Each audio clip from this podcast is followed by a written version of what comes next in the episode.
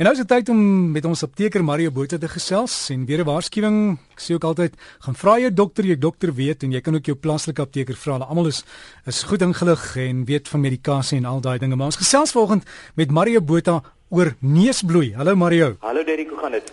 Met my warm hier in Johannesburg. Ek, sien die hele Suid-Afrika is warm en jy het gesê jy dalk 'n bietjie geskoffel daar in die tuin vanoggend. Dit ons dis so warm in die tuin, so ek wil nie weet hoe voel dit direk in die son nie want ek is nog 'n bietjie in die koelte. Laat ek erg warm. Ja, dan dan moet ek nou vir jou sê Mario, jy beter maar genoeg voggies inneem en water drink, né? jy klink soos 'n apteker. maar Mario, hierdie tyd van die jaar, baie mense as hulle warm kry, dan gaan die neus ook aan die bloei, né? Dit is nogal so en die twee grootste oorsake vir hierdie ding omdat die neus bloei is, is die plek waar die neus op die gesig is. Hy staan uit. So dis 'n baie makliker voorwerp om sommer liggies te stamp en dan bloei hy maklik.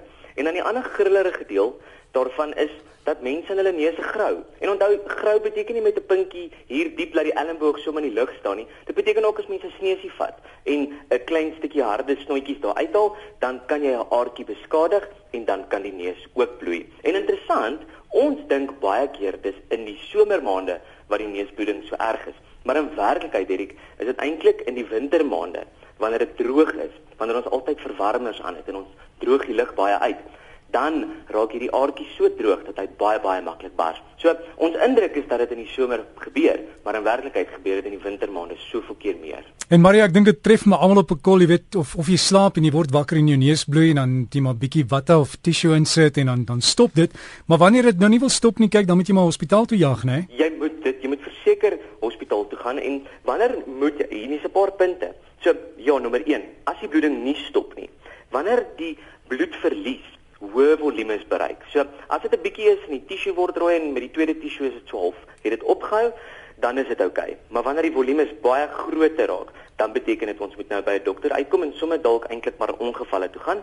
Ook wanneer jy begin duiselig voel of wanneer daar erge trauma aan die gesig is. So jy het joe, deur 'n glasdeur vasgeloop of iemand het jou geslaan en daar is ook dan iets soos visiesterings of weet of jy voel baie sleg of jy's duiselig, dan moet jy by 'n dokter uitkom. Ook wanneer jou baba of kleuter 'n neusbloeding het en dit hou nie op nie, dan moet jy regtig by 'n dokter uitkom en sommer by jou pediater, want by kleuters en by babas kan dit nogal gevaarlik raak. Hulle kan van hierdie bloed in hulle longetjies kry en dit kan regtig lewensgevaarlik raak. Maar, maar jy ook vir groot mense, baie mense sit net hulle soos hulle sê proppie in met die met die watte of die tissue, maar die neus kan binnekant aanhou bloei nou. Hy kan aanhou bloei en hier is 'n bietjie 'n paar wenke oor hoe om dit te stop en ek dink, joe, ek het dit al die jare verkeerd gedoen.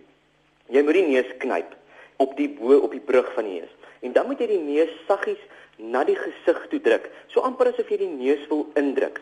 En nou die belangrikste, jy moet die kop vorentoe tilt en nie na agter toe nie. Ons is so geneig om te dink, "Joe, ek moet hom nou na agter toe tilt want die bloed moet nie uitkom nie." Maar die probleem met agter toe tilt is, ons kan weer van dit in ons longe inkry en dan van dit sluk ook en dit is nogal nie lekker nie. So die kop moet liggies vorentoe getild word, asseblief nie tussen die bene gedruk word of so iets nie.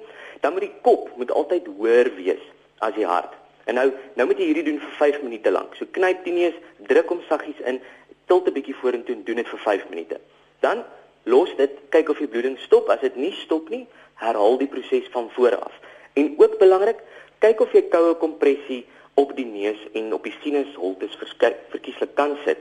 So vat 'n pakkie gevriesde ertjies in die yskas of sommer 'n yskoue waslap, sit dit dan op die neus en kyk dan of die neusbloeding stop. As hierdie na so 2-3 keer nie gebeur nie, dan is dit nou maar so en dan moet jy nou maar dokter toe gaan om te kyk of hulle iets anders vir jou kan gee om hierdie neusbloeding te stop. Daar is ook tablette en medikasie om hierdie te stop, maar baie keer is dit maar nodig om dan by ons dokter uit te kom.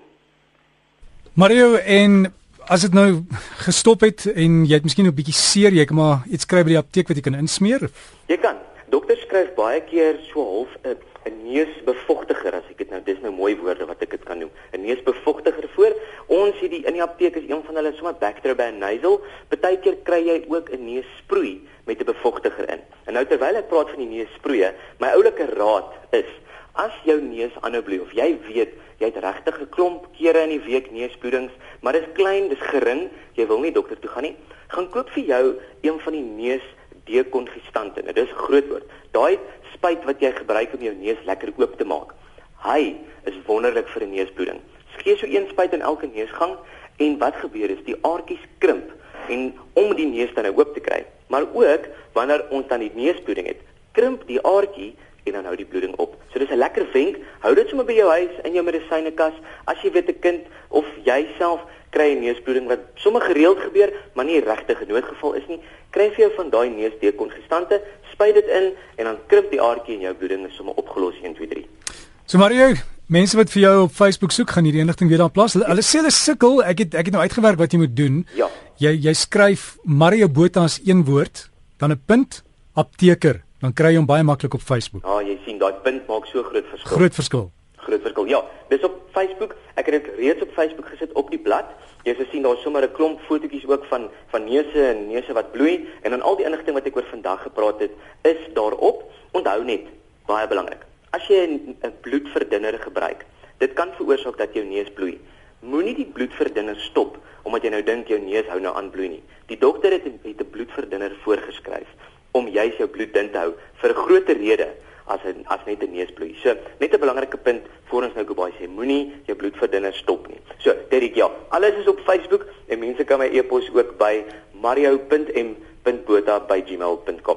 So gesels ons met Mario Botha die apteker en net weer daai Facebook bladsy. Jy gaan by Facebook facebook.com soos op jou gewone bladsy, dan skynstreep, skryf jy Mario Botha aan mekaar sonder spasies, Mario Botha, dan 'n punt en apteker. Dan jy hom kry en die inligting is daar en onthou, vra ook jou dokter.